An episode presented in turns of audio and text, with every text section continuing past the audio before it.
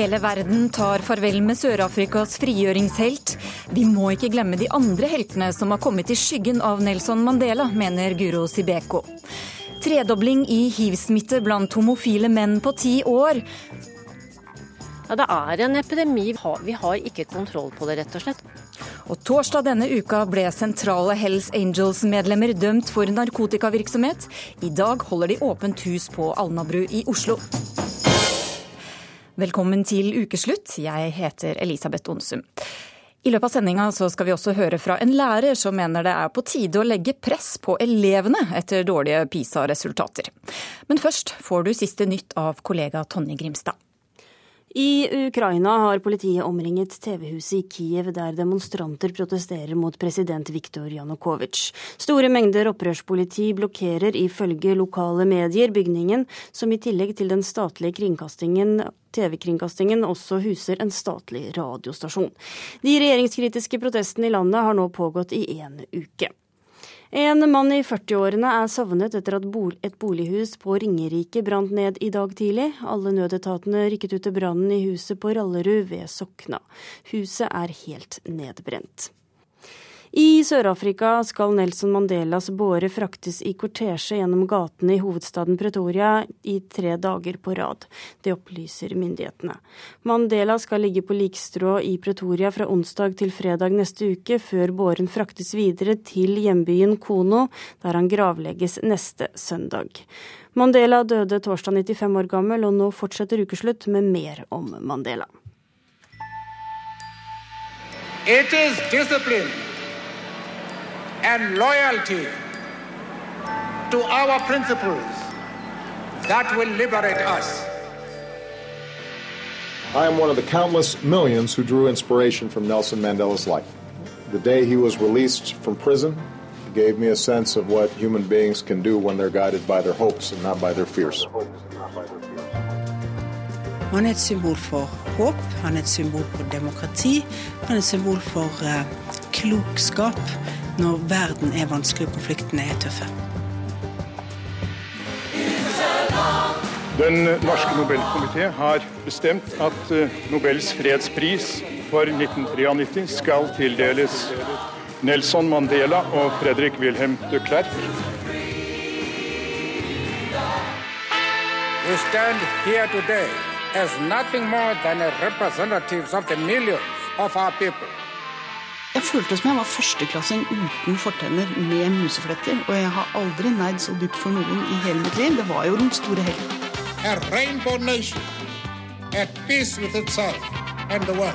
Det er ikke noe annet menneske i vår tid som har stått eh, opp på samme måte. Han er vår tids absolutt største leder.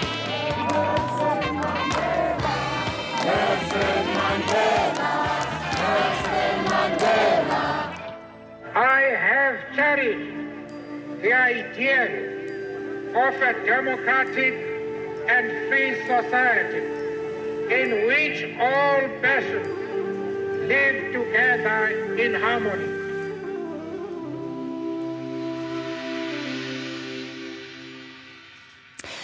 Ja, Det er eh, mange verdensledere og toppolitikere som eh, selvsagt har hyllet Nelson Mandela, som døde sent torsdag kveld, 95 år gammel. Vi har eh, invitert to kvinner med røtter i Sør-Afrika. Nosisve Bakwa og Guro Sibeko, velkommen hit. Tusen takk. Takk for det. Nosisve, du har familie i Sør-Afrika nå, og du har bodd der selv også. Ja. Og ikke minst, du er jenta i bunad som ga Nelson Mandela rose da han kom til Norge. Fortell om mm. det. Det var året han mottok eh, Nobels fredspris. Eh, og jeg fikk æren av å overrekke en rose som takk i bunad i domkirken. Og jeg var kjempenervøs, og mamma var kanskje mer nervøs. så når vi så at han eh, kom inn i domkirken, så husker jeg at mamma ble helt sånn supergira og dytta meg sånn OK, nå, nå, nå, må du gå. Og så gikk jeg litt for tidlig. Sånn at eh, vi møttes bak de prestestolene i domkirken. Så at alle journalistene som hadde liksom stått på rekke og rad for å ta bilder, fikk ikke så veldig bra bilder, for der sto jeg ganske liten gjemt bak en stol. Men det gjorde at det øyeblikket ble veldig person personlig. Det ble veldig intimt, på en måte. Eh, og jeg fikk gi en klem til en mann som kjentes som min bestefar, selv om jeg aldri hadde truffet han før. Mm, det var veldig fint. Vi klemte, og han spurte om jeg hadde det fint, og hvem familien min var, og han gjenkjente etternavnet. Og så sa han det at jeg måtte studere og være flink og jobbe hardt. Og jeg husker at jeg var litt sånn svimmel og fikk med meg det han sa, men at det jeg kjente mest på, var at han lukta så himmelsk godt. altså, han lukta helt sånn Åh, det var så trygt og varmt og hjemme. Det var han bare Det dufta av noe sånn bestefarlig, på en måte. Det var bare Det gjorde at alt ble veldig stille og rolig og veldig koselig. Mm. Og så husker jeg at når eh, journalistene da rushet meg og spurte meg hvordan det var, at det var det første jeg sa. At å, han lukta så godt. Og så fikk jeg mye tyn for det på skolen i ukene som fulgte. Å, himmel! Altså, mine klassekamerater lot ikke den likte, ligge. Ja, ja. Nå syns jeg han lukta så godt, eller? så det, ja. Mm. Bare si bare veldig kort om hva han har betydd for deg etter det møtet. Eh, åh, ikke bare etter, men kanskje til og med også før. Han har på en måte alltid vært en del av den politiske og til tider veldig personlige historien som er min mors flukt, og den politiske realiteten eh, som er også vår families realitet. Altså grunnen til at jeg i det hele tatt ble født og oppvokst i Norge. Eh, og i etterkant så har jeg jobbet både politisk eh, i Sør-Afrika og i Norge, og med et engasjement eh, Oh, det hører måte... alle som har hørt deg tale. Ja.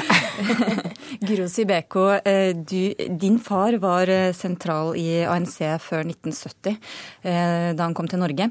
Du har skrevet bok om han, men hvilket forhold har du til Mandela? Jeg eh, er jo litt eldre enn Nasiswe, sånn at eh, på det tidspunktet hvor Nelson Mandela fikk fredspris, så ville ingen ha fått meg inn i en bunad om det sto om livet. Eh, og jeg har nok et Hvorfor litt ikke det? Nei, da var jeg punker. Mm. Så, så, det var ikke så aktuelt. Kanskje. Og blitzer. Så jeg, jeg, sto, jeg sto utenfor den sørafrikanske ambassaden og demonstrerte mot Klerk. Eh, men samtidig så Som også fikk fredsprisen? Ja, men, ja, mm. men før det. Altså før Mandela slapp ut av fengsel, da. Mm. Eh, samtidig som faren min da kom kjørende i bil og skulle inn på ambassaden for å lese sørafrikanske aviser. Eh, så jeg vokste opp i en veldig sånn med en veldig bevissthet om at ting er aldri helt svart-hvitt. Eh, og at Nelson Mandela er en stor mann og en viktig mann. Han har vært et viktig symbol for meg personlig og for faren min og for familien min. Eh, samtidig som eh, den enorme heltedyrkelsen da, eh, har vært noe jeg har vokst opp med at Men han er jo ikke Jesus. Det får være grenser. For han er jo ikke Jesus. Nei. Og en del av den heltedyrkelsen har også handla om å frata han en del av det han faktisk er. Nelson Mandela var en revolusjonær. Nelson Mandela kalte folk sine venner som eh, veldig mange av de som hyller han i dag, kaller terrorister. Nelson Mandela ble selv kalt terrorist veldig, veldig lenge. Det er bare et par måneder siden en av hans nærmeste medarbeidere, eh, en mann som også satt fengsla på Robben Island sammen med han, eh, og som vel var den, den, siste som slapp ut før Nelson Mandela, ble fengsla da han kom til USA fordi han fortsatt sto på USA sin terrorliste. Eh, Tokyo Seksuale. Mm. sånn at Eh, det, det, er noe med at eh, å dyrke han som en slags sånn freds-Jesus blir også frata Nelson Mandela noe av det det som har vært det viktigste for meg da, og for, for min familie, som mm. handler om kampen. Mm. Og, så, og, så, mener du da at eh, noen av heltene virkelig har kommet i skyggen av denne store mannen. Og si kort hvem de er. Uh, jeg mener jo at kanskje i skyggen av, uh, av han, og i, i skyggen av en, en del av de de som fikk sånn veldig heltestatus, eh, er det jo veldig mange. Eh, og én ting er de andre som, som satt i fengsel og som gjorde mye av det samme som det Mandela gjorde. Men det jeg tenker på, er først og fremst de ungdommene som kjempa i gatene i Soweto, som ofra livene sine. Eh, hvor, altså foreldre som ofra alle sine barn. og som ble utsatt for forferdelige overgrep, og som ikke har fått den oppreisninga jeg syns de burde hatt. Er du enig i det, Louise? Jeg tenker jeg, jeg, er, jeg, er, på en måte veldig enig i det du sier, Guro. Og jeg, jeg, skjønner, skjønner veldig hvorfor du trekker det fram, men samtidig så tenker jeg at i den tiden når Mandela slapp ut og Sør-Afrika var på randen eh, til borgerkrig, så var det veldig viktig med én en enestående politisk figur som alle kunne enes og samles rundt. Og da var Mandela det naturlige valget. Og jeg, jeg tenker at i det neste trinnet, på en måte, nå som vi på en måte har fått en annen type politisk bevissthet, nå som vi må leve og lide med den type ANC som sitter i makta nå, nå er det på tide å trekke fram de andre heltene. Nå er det på tide å få på plass en litt mer sånn revolusjonær tankegang. For det at vår far har nå dødd, gjør at vi må vokse opp. Og vi må ta eierskap. Og vi må nå føre kampen videre. Også fordi at det, hans etterkommere ikke får det til. Det er ingen tvil om at Mandela var et ekstremt mm. viktig symbol, og mer enn et symbol. Altså han var en fantastisk statsmann i de årene really? eh, hvor det virkelig, virkelig var nødvendig. Mm. Men det er heller ingen tvil om at en del av de heltene jeg snakker om, eh, har tida rent ifra. De har i 20 år eh, ikke fått helsestell, ikke fått et sted å bo, mm. ikke hatt, mm. altså ikke hatt de helt grunnleggende mm. menneskelige rettighetene sine ja. ivaretatt. Mm. Eh, og det er for seint. Mm. Det er jeg ikke enig i. Okay. De, er gamle. de er gamle. De dør nå, de òg. Ja. Vi skal snakke litt om, om, eh, dagens situasjon også, som dere har begynt å komme inn på. fordi um, Rett før sending så fikk vi tak i Sapiro, den sørafrikanske tegneren, som jo uh, har flere søksmål mot seg fra president Jacob Zuma fordi han har tegnet han inn i satiriske tegninger. Jeg spurte ham han, uh, altså hvilken fremtid han ser for Sør-Afrika nå. I hope that there will be a, a strong civil society and, and, and, young people who, who actually see that there are others still who have good values. And I really hope that the next five years brings that because right now, it, I think it would be very hard for a young person to feel like they, they have uh, um, um, the kind of optimism that they had, say, uh, uh, 20 years ago, 15 years ago. Mm. Er, Guro Sibeko, er du enig i hans analyse her? Eh, jeg deler håpet hans. Mm. Eh, jeg håper veldig at optimist. Jeg er ikke så forsiktig engang, faktisk. Jeg, jeg, kjenner at jeg tror på at den svekkelsen jeg tror kommer av lojaliteten til ANC blant folk i Sør-Afrika, vil, vil, koble seg med en ansvarsfølelse og, som gjør at Eh, at, det vil føre til et sterkere demokrati og en styrka kamp mot korrupsjon, og ikke til den volden som vi jo alle et eller annet sted inni oss frykter. Nå sier det, det er valg eh, til våren. Det er ikke ofte at jeg er den kritiske stemmen, og du er den uh, uttalte optimist. Jeg er tror på landet. Men, men, Guro, det er jo veldig mange mennesker som allerede setter spørsmålstegn over hvorfor annonseringen av Mandelas død skjedde nå, når vi har visst på en måte lenge at han har vært Eh, på life support siden sommeren.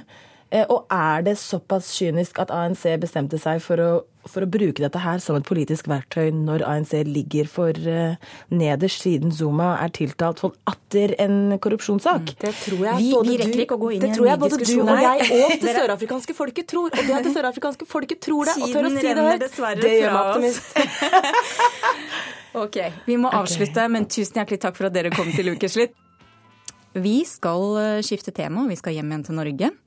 For det er en hiv-epidemi blant menn som har sex med menn, både i Oslo og i Bergen. De siste ti årene har antall nysmittede i denne gruppen tredoblet seg. Det sier seksjonsoverlege ved Ullevål sykehus, Bente Bergesen. Det kom eh, Jeg var i hvert fall ikke forberedt på det. Um, man har jo til en viss grad utsatt seg for risiko en gang iblant. Så, eh, så noen sånn kjempeoverraskelse var det jo heller ikke. Men, eh, men altså, jeg var ikke forberedt på det. Virkelig ikke. Anders Bakken var 27 år da han fikk diagnosen hiv-positiv for fem år siden. Det var en tilfeldig one Han er en av drøyt 5100 personer med hiv i Norge, og representerer den gruppen som legene kaller MSM, menn som har sex med menn. Det var ikke noe utsvevende liv som homofil som var årsaken. Det var en glipp. Man vet, vet, jo bedre at en skal beskytte seg og ta sine forholdsregler. Uh, av og til så glipper det. Så det er ikke så enkelt og så komplisert er det. Ifølge Folkehelseinstituttet så har tallene på nysmittede i gruppen menn som har sex med menn, tredoblet seg de siste ti årene. Viruset spres hurtig. Ja, Det er en epidemi. Vi har eh, stadig eh, veldig høy grad av nysmitte. Eh, og det ligger jo an til å bli høye tall også i år. At rundt kanskje 90 som er smittet i den gruppen. Og har, vi har ikke kontroll på det, rett og slett. Og vi må se på om det finnes andre måter å, å håndtere det på. Bente Bergersen er seksjonsoverlege ved infeksjonspoliklinikken på Oslo universitetssykehus Ullevål. Der har jeg vært i, siden i 98 og jobba innenfor feltet i mange år. Homofile er flinkere enn heterofile til å bruke beskyttelse ved sex. Men allikevel er fremdeles årsaken til smitte at man ikke bruker kondom. Og hvorfor er det sånn nå? Jo, det jeg tror det har noe med at uh, hiv er blitt helt usynlig i samfunnet. Det er mange flere som lever med hiv i Norge i dag. Bare på Ullevål så er det jo oppimot en 1500 som går til kontroller. Men uh, de har et bra liv, og det koster for mye å stå fram med den uh, diagnosen, dessverre. Og derfor så blir også hele temaet borte fra aviser og, og, og, sosialt ellers. For Anders fikk livet en brå vending da testen han gjorde hos fastlegen sin, viste seg å være positiv. Det var et helvete, rett og slett, der og da. Det, um, det var slag i trynet, altså. Virkelig. Hva tenker du om at smittetallene er så høye? Jeg tenker at eh, de tallene er altfor høye, helt klart. Um, og det er jo på en måte si, Det er jo altfor ille uh, at det er sånn. Så kan jo diskutere årsaker og tiltak. Um, jeg tror han må se litt uh, Altså, menneskesinnet er ganske komplisert, og som jeg sa at man gjør glipper, og noen har litt mer konsekvent risikoatferd. Men det, det, er så veldig mye faktorer som spiller inn, og folk blir smitta på tross av veldig forskjellig oppførsel, tror jeg. Det finnes mange steder hvor menn møtes for å ha sex med menn. Ja, velkommen til Hercules. Hercules sauna i Oslo er et sånt sted. Da kan vi gå ned, for her har vi da badeavdelingen. Han som viser meg rundt, vil helst ikke ha navnet sitt på radio. Dusjer. Her er det vanlig badstue. Tre etasjer, sauna, dampbadstue og mange små rom man kan gå inn og være alene sammen i. Her er det da kabiner hvor man eventuelt kan gå inn hvis man finner en uh, man har lyst til å være sammen med, og låse igjen døren. Her er det stortingsrepresentanter, og her er det i går. og Hver uke så ser de jo folk som uttaler seg i viktige saker på Dagsrevyen. De er jo her når Dagsrevyen går på lufta. Så her har jeg hatt få gjester som kommer rett fra Slottet og gallamiddager der, og med St. Olavs orden på brystet og kommer inn. Det er ikke alle som går på Lorry. Kondomer henger lett tilgjengelig overalt i lokalene. Og i resepsjonen står en plakat fra Helseutvalget for bedre homohelse. De er ofte innom og tilbyr hurtigtester for hiv. Og nettopp fordi at det er en sauna hvor kanskje mange menn har sex osv. Og, så og da vil jo alle beskytte seg. Så jeg tror at en som ville gjøre det på motsatt måte, han vil nok få høre det her ja, av motparten. Det går bra med Anders. Han har aldri hatt særlig bivirkninger fra medisinen han tar. Medisiner i dag gjør at man omtrent ikke utgjør noen smitterisiko, og at mange kan leve et normalt liv. Det vil si i alle fall fysisk. Eh, jeg vil absolutt si at det er jo den mentale biten som er utfordringa med hiv, eh, når du har det. Noen opplever jo sikkert å møte folk uten forståelse òg. Det er heldigvis jeg sluppet. Men, eh, men i hele tatt de der spøkelsene du bygger opp inni ditt eget hode, de kan være ganske tøffe å overvinne. Og jeg, og jeg har veldig håp om at med å være åpen og såpass åpen som jeg er, så kan det hjelpe andre òg. Ikke at andre skal være så åpne, men i hvert fall til å kunne deles i historien med noen de stoler på. da. Det var reporter Eivind Våge som hadde møtt hiv-positive Anders. Ja, helseminister Bent Høie, ifølge seksjonsoverlege Bente Bergesen så er det altså en hiv-epidemi som er ute av kontroll blant homofile menn. Hvordan ser du på det? Dette har bekymra meg eh, over lengre tid. og Derfor så var noe av det første jeg gjorde da jeg ble helseminister, var å sørge for at vi nå bevilger to millioner kroner til å forsterke arbeidet med eh, tidlig testing og samtale med menn som har sex med menn, der som de møtes for å ha sex. Så det tror vi er viktig for å nettopp nå eh, denne gruppa og unngå at folk har, er hiv-positive over lengre tid uten å være klar over statusen sin. Men hvorfor har ikke rådene om hvordan en beskytter seg mot hiv eh, nådd inn til denne gruppen, tror du? Ja, Det skyldes nok flere ting, og det har vi òg behov for å vite mer om. Men eh, det må være klar over at mange av disse mennene som har sex med menn, de har ikke en homofil identitet. Flere av disse har òg heterofile forhold. Og Det betyr at en del av de kampanjene som har nådd fram mot homofile menn, har ikke nødvendigvis nådd disse. Men Hvordan mener du at disse pengene som dere har bevilget skal hjelpe mot denne epidemien, hvis vi skal kalle det det? Ja, Den vil hjelpe på den måten at vi forhåpentligvis hjelper folk til å få vite sin hiv-status på et tidligere tidspunkt, samtidig som den òg inneholder en samtale om, om risikoatferd, om rus, om hvordan en har det i, i livet. Og dermed hindre forhåpentligvis nysmitte, og ikke minst få folk raskt inn i behandling. fordi er en i behandling, så reduseres òg betydelig faren for at en smitter andre. Men hvordan konkret skal dere nå ut til de? For vi hørte henne jo si her at, eh, at det koster veldig mye for, for, denne gruppen å stå fram med diagnosen f.eks. Ja, det er En ting som vi gjør, det er jo å redusere eh, fordommen og stigma rundt det å ha hiv. Og så er det rett og slett å være til stede der eh, menn som har sex med menn, møtes. For det er, første, det er den, kanskje den enkleste måten å nå disse på. Takk skal du ha, Bent Høie. Vi har et realfagsproblem, og det er veldig alvorlig.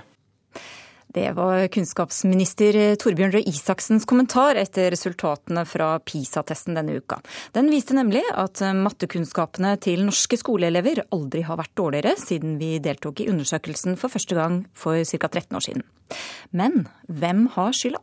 Eh, jeg syns det kan være lærerne hvis de ikke gjør en god nok jobb til å Eller hvis de bare leverer pakka og ikke hjelper til, da. Eh, jeg tror det er lærerne som ikke lærer godt nok vi må få bedre lærere. De må få en bedre utdanning, og de må få de må være høyere krav for å bli lærer. Eh, det er vel læreren da, som ikke har lært bort godt nok. Du mener det? Ja. Hva tenker du? Lærerne. Det er lærerens skyld? Jepp. Hva tenker du? Ja, det er lærerne. Ja, kanskje ikke veldig overraskende at eh, elevene gjør som noen politikere har gjort, de peker på lærerne. Og Sølve Kurås Karlsen, du er eh, lærer. Hva sier du? Er det læreren eller er det eleven som har størst grunn til å ta resultatet av PISA-testen innover seg? Nei, Jeg synes jeg har jo med humor lagt merke til at det nye politiske uttrykket for dårlige lærere er gode lærere som skal bli bedre. Så det er jo typisk det her at, eh, at man putter alt i en pott, og så gir lærerne skylda. Jeg er ikke uenig i at vi har et ansvar. Ikke tvil om, og Vi skal overhodet ikke føle oss ukomfortable med å bli adressert når vi ser dårlige resultater. Men det som er savna i det her, og, og i denne sammenhengen, det er jo det at elevene er totalt fraværende i forhold til det å ta ansvar. I mitt klasserom så ser jeg det at mine elever, når jeg adresserer dem og sier nå må dere ta ansvar, nå må dere stå på, så ser jeg at de vokser med den oppgaven.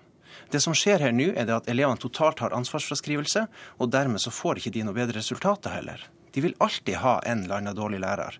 De vil alltid ha en eller annen dårlig prøve. Men skal vi skylde på det hele tida? Vel, da frykter jeg for at det ikke blir noe bedre resultater heller. Mm. Du skrev i en kronikk på NRK Ytring at det er på tide å legge litt mer press på elevene. Mm. Jeg frykter for at vi driver på å oppdra en eh, Hennes og Maurits-generasjon som tror at vi kan få eh, alt for 199. Når man går på skole, så må du ha innsats, innsats, innsats. Det ser vi gang etter gang, at det er klasser som har gode lærere, det er klasser som har dårlige lærere. Allikevel, de som klarer seg gang etter gang, er de som viser innsats. Er du litt lei av at det er lærerne som gjentatte ganger får skylda? Jeg er ikke nødvendigvis lei av det, men jeg er lei av det at det skal bli det store svaret. For det er ikke så enkelt at du kan si at ett svar er å peke på lærerne. Liv Holm Heide, du er leder i Elevorganisasjonen. Er dere en Hennes og Maurits-generasjon? Nei, det vil jeg ikke påstå. Eh, det kommer jo frem i undersøkelsen også at dette matematikk er jo noe elevene ser betydningen av. Det er noe de, noe de liker å jobbe med, men som vi ser da, så er det kanskje noe man ikke helt eh, når opp i eh, med tanke på resultatene. Men jeg tror nok ikke vi er det. Vi lever jo i et samfunn nå hvor utdanning er satt så høyt. Elevene har så mye press på seg til å gjøre det bra. komme komme ut med en utdanning eh, og virkelig bestå. Eh, så jeg tror nok ikke vi oppdrar her en Hense Maurits-generasjon. Men jeg tror det handler kanskje litt dette om Når det kommer til PISA, så tror jeg det handler mye om dette å, å vise elevene hva, hva, PISA er, få dem til å forstå hva PISA er, så at man ser realiteten i det. Fordi det er nok en del elever der ute som kanskje ikke tenker så mye på resultatene fordi de ikke har noe å si på deres snitt når de, når de skal gå ut. Eh, og da, da, som elever har sagt tidligere også, så, så, bryr de seg rett og slett kanskje ikke så mye. Mm. Og det er jo et problem. Men hva syns du om at, eh, at lærerne mener at, man, at det er på tide å plassere mer ansvaret på elevene selv? Jeg mener at elevene definitivt har et ansvar her. Det er helt klart. Eh, I et klasserom har eleven et stort ansvar, men eleven har et ansvar sammen med læreren. Her er det et samspill som skal skje i klasserommet. Det er et system rundt eleven som må fungere. Eh, og da er det jo klart at eleven må ta ansvar. Men da tror jeg det også handler mye om dette med, dette med nettopp kommunikasjon og dialogen mellom læreren og eleven. At den må være god. Eh, lærerne må være engasjert i at elevene skal gjøre det bra. Gi dem gode tilbakemeldinger, vurdere dem godt. Utvikle hver enkelt enkelt av dem med en tilpasset opplæring, eh, så, så, tror jeg det kan gå mye enklere da, eh, i et klasserom. Men er inntrykket fra dere at lærerne i Norge er gode nok? Lærere i Norge er gode, men man kan alltid bli bedre. Eh, og man kan alltid utvikle seg. Vi lever eh, i en hverdag i dag hvor ting utvikler seg hele tiden. Det kommer nye duppetitter inn i klasserommet for hver dag som går. og Da er det viktig at lærerne henger med, elevene henger med. Lærerne får elevene med seg på laget, samtidig som at elevene får med lærerne på laget. Og at man får inn en undervisning som er morsom, motiverende, eh, lærerik, ved å da bruke forskjellige virkemidler som kan få denne undervisningen til å bli, bli ordentlig ordentlig god for elevene. Eh, men da er det klart at elevene må si fra hva de ønsker også. Det, det er jo klart at, at uh, elevene må sette sine krav til undervisninga. Men det er jo fascinerende òg når vi ser sånn som Malala, som har en kamp for å få utdanning. Som ser behovet av det her, og som uttrykker det veldig tydelig. Og så står jeg i mitt klasserom kanskje noen ganger og opplever at elevene mine er på Facebook. Mm. Skal jeg som lærer konkurrere med Facebook? Det blir veldig vanskelig. Det er noe med at elevene i seg sjøl må innse viktigheten av kunnskap. Og Det er kanskje vanskelig det i Norge når vi har det så bra som vi har det. Kanskje. Men er ikke det nettopp din jobb, å få de til å se den, eh, få de til å bli oppmerksom på den viktigheten av kunnskap? Jo, det er jo klart. Og det er også en del av min, min jobb å, å, lage opplegg som treffer de der de er. Vi kan eh, lede hesten fram til vannet, men ikke tvinge han til å drikke. Og Sånn er det jo også med elevene. Vi kan lage gode opplegg, og vi kan lage eh, god undervisning. Men til syvende og sist er det eleven som må ta det her inn. Ja, Trenger dere å skjerpe dere litt? jeg tror ikke nødvendigvis elevene trenger å skjerpe seg så mye. fordi det mange elever ofte sier til oss, og det jeg opplevde som elev selv også da jeg gikk i skolen, var dette med hva trenger vi dette til? Når får jeg bruk for denne algebraen? Uh, og, så er er det mange som har litt vanskeligheter for å svare på det. Hva trenger du det til? Men da er det viktig at uh, lærerne har et svar på de spørsmålene elever stiller som er relevant for faget, sånn at elevene ser hva de får, hva de får ut av denne undervisningen, hva de kan bruke den matematikken til senere hvordan denne naturfagen, eller hva disse temaene innenfor naturfagen har hatt å si for øh, samfunnet og utviklingen og alt som er. Så det er veldig viktig å, å trekke linjer, sånn at elevene ser, øh, ser, øh, hvorfor de gjør dette, og da motiverer det elevene. Man kan kanskje kalle det å skulle gi veldig mye til elevene, men det er utrolig viktig at de ser relevansen i det, for at de ikke skal miste motivasjonen, og for at de skal, ikke skal få den holdningen til at nei, dette gidder vi ikke å gjøre, fordi dette får jeg ikke bruk for senere. Takk skal dere ha, Liv Holm Heide og Sølve Kurås Karlsen. Du hører på Ukeslutt i NRK P1 og P2. Følg med oss videre og hør at vi er en gjeng trivelige karer som liker å kjøre motorsykkel, sier superen fra Hells Angels, og åpner dørene for publikum i dag. Og arbeiderbevegelsen har null troverdighet i kampen mot Forskjells-Norge når de gir lederne millionlønn, mener Mimir Kristjansson.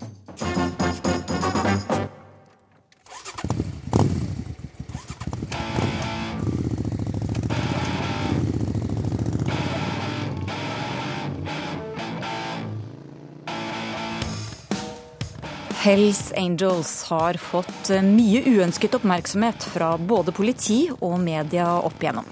For et par dager siden ble flere sentrale medlemmer i MC-miljøet dømt til flere års fengsel for narkotikavirksomhet. Og for ikke lenge siden slo væpnet politi til mot hovedkvarteret på Alnabru i Oslo. Det svarte huset ligger der eh, rett ved E6 som en slags festning, men i dag er det altså åpent hus eh, for aller første gang. Og reporter Dana Vanunu, hva er det som skjer der? Ja, er du av den mer skvetne typen, hadde du nok ikke banka på døra til eh, det svartmalte klubbhuset til Hales Angels en eh, mørk og stormfull aften. Her eh, sperrer høye gjerder alt innsyn fra E6, og dødninghodet i klubblogoen som kan ses fra veien, smiler ikke akkurat mot deg. Og ikke hadde du sluppet inn heller, for for å få innpass her så må du ha bestått diverse ildprøver.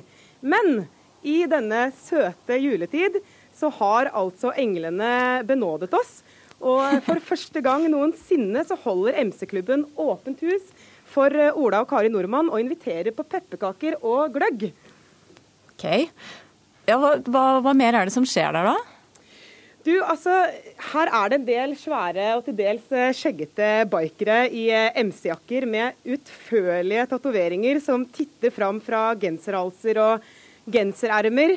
Veggene er stort sett svartmalte. Det henger svære MC-bannere på veggen. Noen av dem har lysende djeveløyne som stirrer mot meg. Og ellers er veggene stort sett dekket med diverse bikermotiver og Hells Angels-logoer. Men det hele er samtidig ganske avskrekkende. For eh, her lukter det altså så søtt av nellik og kanel og stjerneanis fra gløggen som eh, godgjør seg på kokeplata. De er eh, rause med pepperkakene. Og julerengjøringa, den er de antageligvis allerede ferdig med, for her kan man lete etter støv med lupe uten å finne noen ting. Men du, har det kommet noen folk, eller?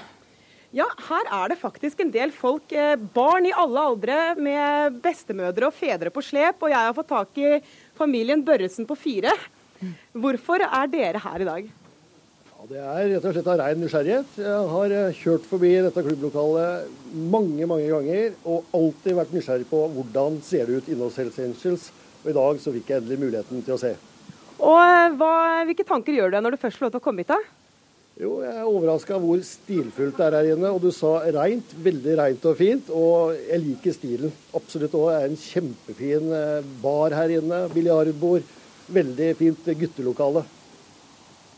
Er du altså eh, i Oslo mellom klokka tolv og fire, så kan du ta eh, turen til klubbhuset her eh, på Alnabru og få pepperkaker og gløgg. Takk skal du ha, Dana. Vi skal tilbake til klubblokalet om litt, men først så skal vi snakke med en som ikke har dratt til Alnabru for å være med på åpen dag. Det er nemlig deg, Anders Werp. Du er stortingsrepresentant for Høyre. Og hvorfor er ikke du på Alnabru i dag? Nei, dette er ingen eh, eksotisk gjeng som eh, har et spesielt frihetsideal eller ønske. Dette er ikke noen forfulgt minoritet. Eh, det er kanskje noen enkelte kjekke karer inniblant der, men det er viktig å huske på følgende. At Kripos er veldig tydelig på at dette er blant landets best organiserte kriminelle nettverk. Og som det ble sagt i introduksjonen til denne sekvensen, så er det ikke mange dagene siden at den antatte lederen av Hells Angels i Norge fikk en eh, dom for mafiavirksomhet i Nord-Norges Nord største narkotikasak. Så dette, eh, her har politiet og samfunnet rikelig med dokumentasjon på at dette er ikke, dette er ikke bare kjekke karer. Mm. Du har jo fulgt eh, Hells Angels eh, over lang tid, egentlig. Og, men, men, er det grunn til å på en måte stemple hele nettverket, hele miljøet, som et kriminelt nettverk? Eller er det en og, et og annet medlem som, som driver med slike aktiviteter? Aktiviteter? Ja, Statistikken viser at over 70% av de fullverdige medlemmene har jo en strafferettslig dom på seg, i all hovedsak knyttet til enten narkotika eller vold. Eh, vi kan ikke si at alle er straffedømt, eh, eller at alle er kriminelle, naturligvis. Det kan vi ikke si.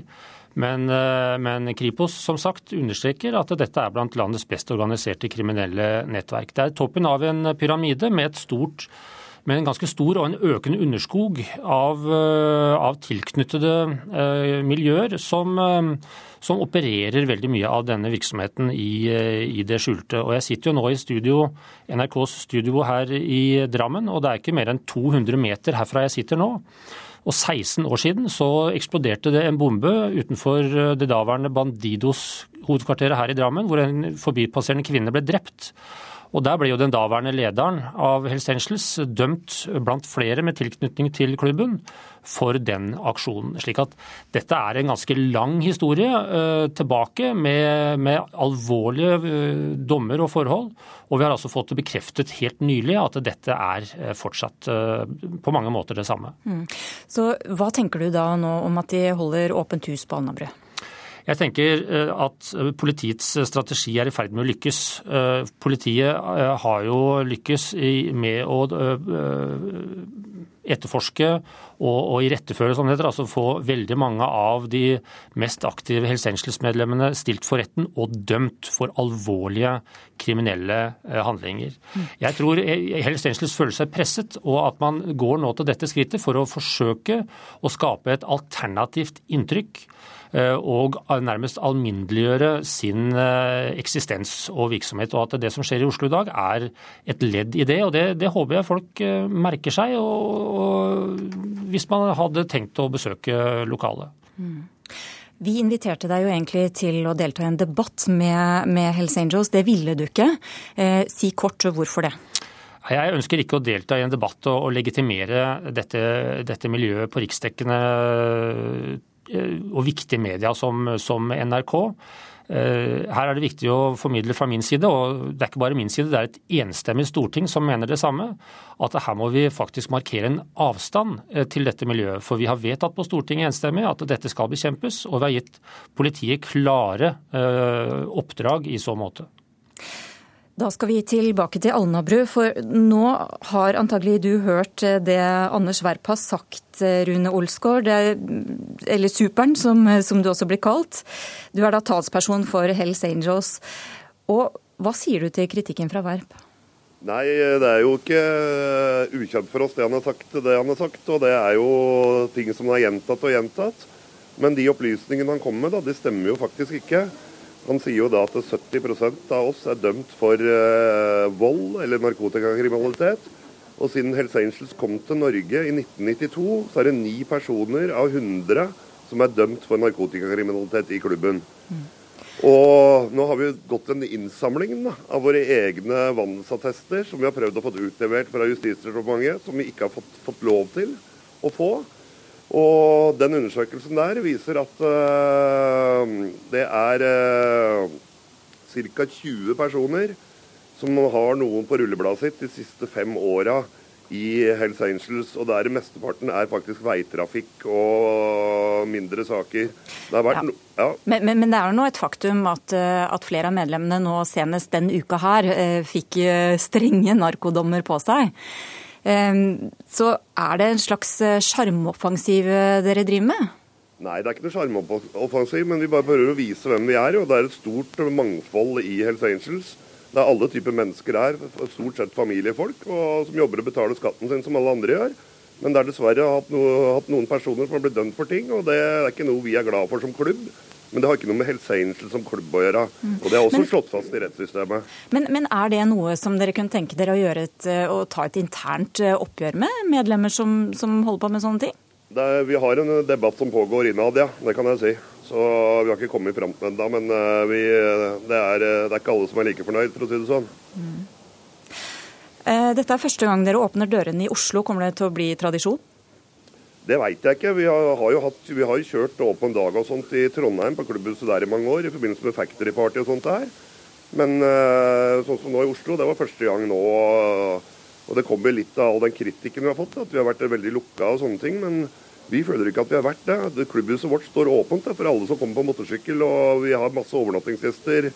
Eh, hele året. Sånn som nå I sommer i sykkelsesongen så hadde vi seks, fem eller seks dager hvor det ikke var folk som overnatta her, som var på besøk. Mm. Men dere har vel ikke vært eh, kjempeglad i besøk fra pressen og politiet opp igjennom? Nei, sånn som politiet kommer jo som regel hit og knuser dører og prøver å lage mest mulig kaos her inne. og Så kan ikke si jeg er så veldig glad for å få besøk av dem. Men uh, presse og ikke noe problem. Vi må slippe inn presse når som helst der. Ja. Svare på alle spørsmål. Du får ta godt vare på vår reporter i hvert fall. Ja, Takk skal du ha. Ja, klarer seg bra. Ja. Nå skal det handle om lønninger til toppsjiktet i arbeiderbevegelsen. For når arbeiderbevegelsen gir sine egne ledere millionlønn, har de null troverdighet i kampen mot eh, Forskjells-Norge. Det skrev du i Aftenposten, Mimir Kristiansson. Du er eh, redaktør i Manifest Tidsskrift. Hvorfor mister de troverdigheten? Det er klart at eh, når ens viktigste politiske ærend er å redusere forskjeller i Norge, og en samtidig tjener tre-fire ganger så mye som det man gjør i en vanlig jobb, da får man et troverdighetsproblem. Alle forstår at eh, en leder i Arbeiderpartiet må tjene litt mer enn en hjelpepleier, men ingen forstår altså hvorfor noen må tjene tre-fire ganger en vanlig lønn. Og så sier man attpåtil at de har fått en lønn å leve med, som en av eh, sekretærene til Arbeiderpartiet som nå tjener en million, sier. Og Det er utrolig provoserende for alle oss andre som tjener en tredjedel av det, og lever helt fint med det. Hvordan tror du det oppfattes av f.eks. en renholder eller en hjelpepleier? Jeg tror at de oppfatter at det partiet som skal representere de, og det partiet som eh, heter Arbeiderpartiet i Norge, ikke er nært nok de problemstillingene som de lever med i det daglige. Og Det er en grunn til at eh, politikere generelt mister troverdigheten. Og så skal vi huske at I Norge har vi en sterk politisk tradisjon for en arbeiderbevegelse som har bestått av vanlige folk, og som har styrt dette landet i en ganske god retning. Og det er en uting hvis det blir erstatta av en egen klasse med ganske rike politikere som skal styre på vegne av folk som tjener en brøkdel av det de gjør. Morten Pettersen, du var eh, politisk rådgiver for eh, Arbeiderpartistatsrådene Gudmund Hernes og Reidar Sandal på 90-tallet, og nå er du administrerende direktør i børsen Marsteller. Hva sier du til kritikken fra Mimir Jeg, Jeg, jeg tror ikke den treffer spesielt godt, fordi for det første så har arbeiderbevegelsen og Arbeiderpartiet eh, veldig høy troverdighet i å ha redusert eh, forskjeller i Norge over mange tiår. Eh, og for det andre så har vi ikke i Norge primært sett fra arbeiderbevegelsens ståsted og arbeiderbevegelsens interesser et topplederlønnproblem. Eh, det er viktigere for et bredt sosialdemokratisk folkeparti å finne modeller for å løfte grupper som teller for lite, enn å kjempe mot noen få som tjener over en million kroner. Ja, Men fjerner de seg ikke litt fra røttene når de sitter og tjener eh, opp mot to millioner, da? Det var en diskusjon rundt eh, eh, Flåtten sin lønning, f.eks. Nei, Hvis du er et parti som, som har en oppslutning på rundt 3-4% så er det naturlig å ta et så spisst standpunkt eh, i, i, en sånn debatt. For et parti som er opptatt av å være på øvre del av 30-tallet, eh, se mot 40-tallet i verdens rikeste land, eh, hvor folk flest også har hatt en fantastisk inntektsutvikling i flere tiår, så tror jeg ikke det oppleves slik. Men det er nok eksempler, det har vært eksempler i Norge på lederlønninger som også Arbeiderpartiet og hele arbeiderbevegelsen har reagert på, som har vært vesentlig høyere enn det vi diskuterer her nå, men som også har noe annet ved seg som er viktig. Nemlig det at det har vært eksempler på lederlønninger hvor man belønner lederens eksistens og ikke lederens talent. Eh, og der tror jeg det går en viktig skille eh, i befolkningen. Men, men, er det en viss dobbeltmoral i det, når, når de da eh, tross alt har en ideologi som er basert på å bekjempe forskjeller? Nei, men det er selvsagt slik at hvis Arbeiderpartiet og arbeiderbevegelsen ikke klarer å løfte hjelpepleiere, eh, lærere, sykepleiere, mennesker som gjør fantastisk viktige, viktige ting i samfunnet eh, lønnsmessig, så får man et moralsk eh, problem. Derfor så var man veldig opptatt av å løfte lærerne, f.eks., som Trond Giske klarte. Jeg tror det er det arbeiderbevegelsen først og fremst kommer til å bli målt på, ikke om en eller to eller tre ledere i arbeiderbevegelsen tjener over en million kroner. Mimmi Kristiansson, hvilke tegn ser du på at, at de mister troverdighet? Konkrete tegn? Altså Konkret så er det sånn at eh, når Arbeiderpartiet var et eh, parti for arbeiderklassen i Norge, så hadde Arbeiderpartiet 50% oppslutning. I dag har Arbeiderpartiet 30% oppslutning. Så er det sånn at ja, Arbeiderpartiet er et parti med høy troverdighet. Men tror du at det har med lønnsnivå å gjøre? Mange stemmer på det. Jeg tror nok at det er flere av de som i dag ikke velger å stemme, som ville ha stemt på et parti som de oppfatter at forsvarte de, deres egne interesser tydeligere. Sånn at jeg tror det er fullt mulig å tenke seg et bredt og stort lønnsmottakerparti i Norge som baserer seg på de menneskene som tjener et sted mellom 300 og 700 000, for å si det sånn. Jeg tror ikke millionærene er så mange i Norge at de er en viktig velgergruppe. Ja, Morten Pettersen, Fins det et tak for eh, hva en god eh, sosialist skal kunne tjene? Nei, jeg, jeg, jeg, tror ikke det finnes et tall som vi alle er enige om. Og jeg tror heller ikke det finnes en sånn liten multiplikasjonstabell eh, hvor du ganger med to eller tre og fire eller et eller annet tall, hvor du sier der skal grensen gå. Jeg tror det er upraktisk, og jeg tror det må være et marked for talent. Eh, individualisert talent, også innad i, eh, i, i arbeiderbevegelsen. Mimmi Kristiansson, når, når mister du din troverdighet? Ville du sagt nei til én million i lønn, f.eks.? Ja, jeg tror i alle fall det. Det er selvfølgelig vanskelig å svare på det. Det er hypotetisk. Det er ingen som vil gi meg så mye penger akkurat nå, men jeg tror det. Men jeg tror, jeg tror også denne talentbegrunnelsen er helt meningsløs. Altså Nå gir Arbeiderpartiet en spinndoktor 200 000 kroner mer i lønn enn de gir Trond Giske. Trond Giske er et større talent enn han. Dette er ikke et talentspørsmål. Dette handler om hvilket lønnsnivå man skal legge seg på, og hvilke bransjer man skal krige med. Og hvis man skal krige med PR-bransjen og Burst Masterlord, da må man sikkert lønne folk millioner. Men da får man ikke nødvendigvis bedre politikere. Da kan det være bedre å dra ut på et sykehjem og hente en hjelpepleier og gi den, den personen en hjelpepleierlønn. Og kanskje det er en bedre politiker òg, for det er en person som forstår vanlige folks hverdag. Så det er klart at nei, vi kan ikke sette et sånn tallgrense, men jeg vil jo spørre Morten her, hvor stopper det? Kunne Arbeiderpartiet ha lønna sin leder 10 millioner. Det, vi er vel begge to enige om at på et eller annet tidspunkt så blir det for fjernt for folk? Ja, det er vi enige om. Og det vi antageligvis bør også være enige om, eh, det er nok at Arbeiderpartiet er et parti i et land som er verdens rikeste land, eh, hvor folk flest har relativt god råd. Vi har veldig høyt eh, velferdsnivå i landet. Og Derfor så tåler befolkningen også i mye større grad at det er noen ledere som da tjener mer. Og det er nok også sånn at et, et sterkt klassedelt samfunn med en stor, veldig fattig arbeiderklasse naturlig har arbeiderpartier som har oppslutning på 40-50 Eh, det er et uttrykk for at arbeiderbevegelsen har lykkes, sånn sett. At Arbeiderpartiet ikke er der, og klasseinndelingen heller ikke er der. Har de utspilt sin rolle, er det det du sier? Nei, eh, men, men, men eh, jeg husker for mange, altså for flere tiår siden, når jeg var i sånn Arbeiderpartiets studentbevegelse, så satt jeg og diskuterte med Martin Kolberg at når sønnene og døtrene av arbeiderbevegelsen tar høyere utdanning, så kommer de antageligvis til å tjene mer, skifte syn på hva som er viktig, og et moderne sosialdemokratisk parti må da henge tritt med det. Så jeg mener dette heller er et uttrykk for å henge tritt med tiden, enn å bli utspilt på den. Altså, Jeg er 100% enig i det, men poenget er at Arbeiderpartiets lønn henger ikke i tritt med vanlig lønn i Norge. Den henger i tritt tre ganger høyere enn vanlig lønn også i det moderne Norge. Og Det er ikke noe poeng at et sosialdemokratisk parti skal være lønnsledende. Så Hvis det er én ting jeg har lært av Arbeiderpartiets lederskap, så er det at alle sjikt i samfunnet bør vise litt moderasjon. Og Det gjelder også de menneskene som sitter på toppen i Arbeiderpartiet. Takk skal dere ha, Mimi Kristiansson og Morten Pettersen. Ukeslutt er slutt. Ansvarlig for sendingen var Kari Li, teknisk ansvarlig Eli Kyrkjebø, skript var Oda Holm Gulbrandsen. Jeg heter Elisabeth Onsum.